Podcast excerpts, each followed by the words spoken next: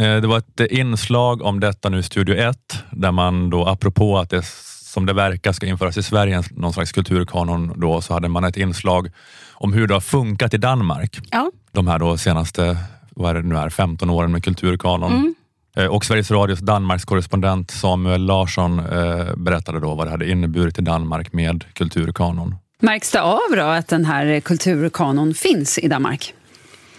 Nej, det tycker jag faktiskt inte att det gör. Alltså, vad, vad har man en kanon till när den väl är framtagen? Frågar ju sig många. Det har ju visat sig att den här spelar inte någon större roll nu för tiden. Mm. Och det här tycker jag är det intressanta med kulturkanon. Mm. Att det är så, det är så stingslig debatt om det och det är ganska så högtravande både från de som är för och emot. Mm. Men grejen med kulturkanon är att den spelar absolut ingen roll. Mer än att det kommer bli riktigt kul när det kommer fram vilka de ska säga i kulturkanon. Det kommer vara en debatt, det kommer finnas skämt, det kommer vara Mm, mm, drama, det kommer finnas kulturartiklar. ja, Det kommer att eh, generera text. mm, exakt. Det är ett spektakel just Mm. när det sker, när det Ja. införs. Men Det är bara det. Men det, ja. det, spelar, men annars, det spelar ingen Nej, roll. nej. Alltså man kan verkligen ha den och mista den. Alltså det gör ingen skillnad på något sätt för någon. Nej, men liksom vad, alltså finns det någon, någon skrivning om liksom vad den ska vara till? Alltså ska den ligga till grund för någonting? Eller? Alltså typ för skolundervisning? Eller, eller är det liksom Ja. bara att det är typ en slags tävling där man ska sätta så, som en sån en liten, pri, en liten guldstjärna på vissa grejer? Ja, för det, sk- finns, eller ja, ska jag sluta finns ju, detta. det Men, Mm. finns ju det, ja, det finns väl, ja, det är väl som litteraturlistor i skolan som ju redan finns. Mm, alltså att man ska läsa lite ur Selma Lagerlöf eller whatever. Mm. Men, eh, ja, men det är kanske bara det fast lite mer eller vi ska hålla ihop. eh, Att det är någon bara idé om något nationalistiskt projekt. mm, Men grejen är liksom att i praktiken, ingen vet vad de ska göra av det.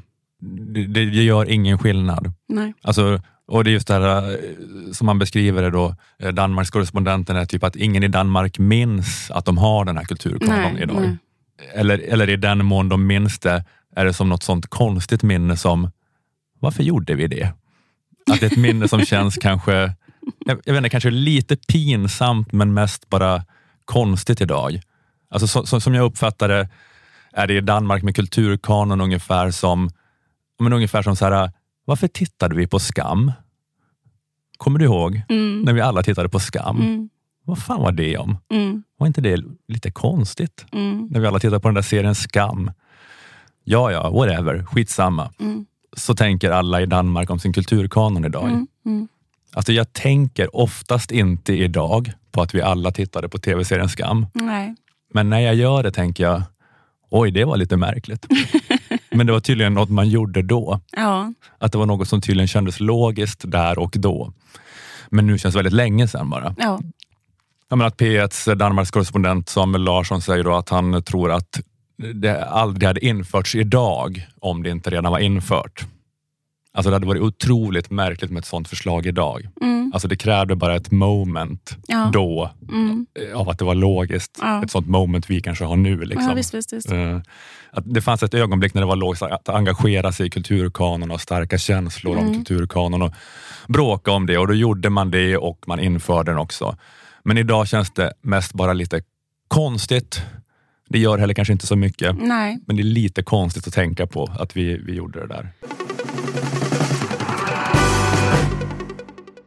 Det här var ett litet smakprov. För att eh, lyssna på detta avsnitt, gå in och köp en prenumeration för endast 29 kronor i månaden på underproduktion.se stormens utveckling.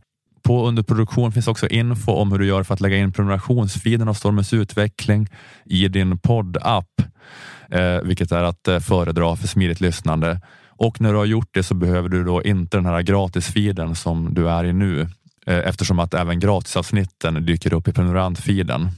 Och går du in på underproduktion.se appar så finns det eh, pedagogiska videoguider för eh, de olika apparna. Du kan välja vilken som är din favoritapp som du använder och så finns det en videoguide där för hur man lägger in eh, prenumerantfiden prenumerantfeeden i sin poddapp där. Och får man ändå inte rätt på det så kan man alltid mejla till support underproduktion.se för snabbt svar.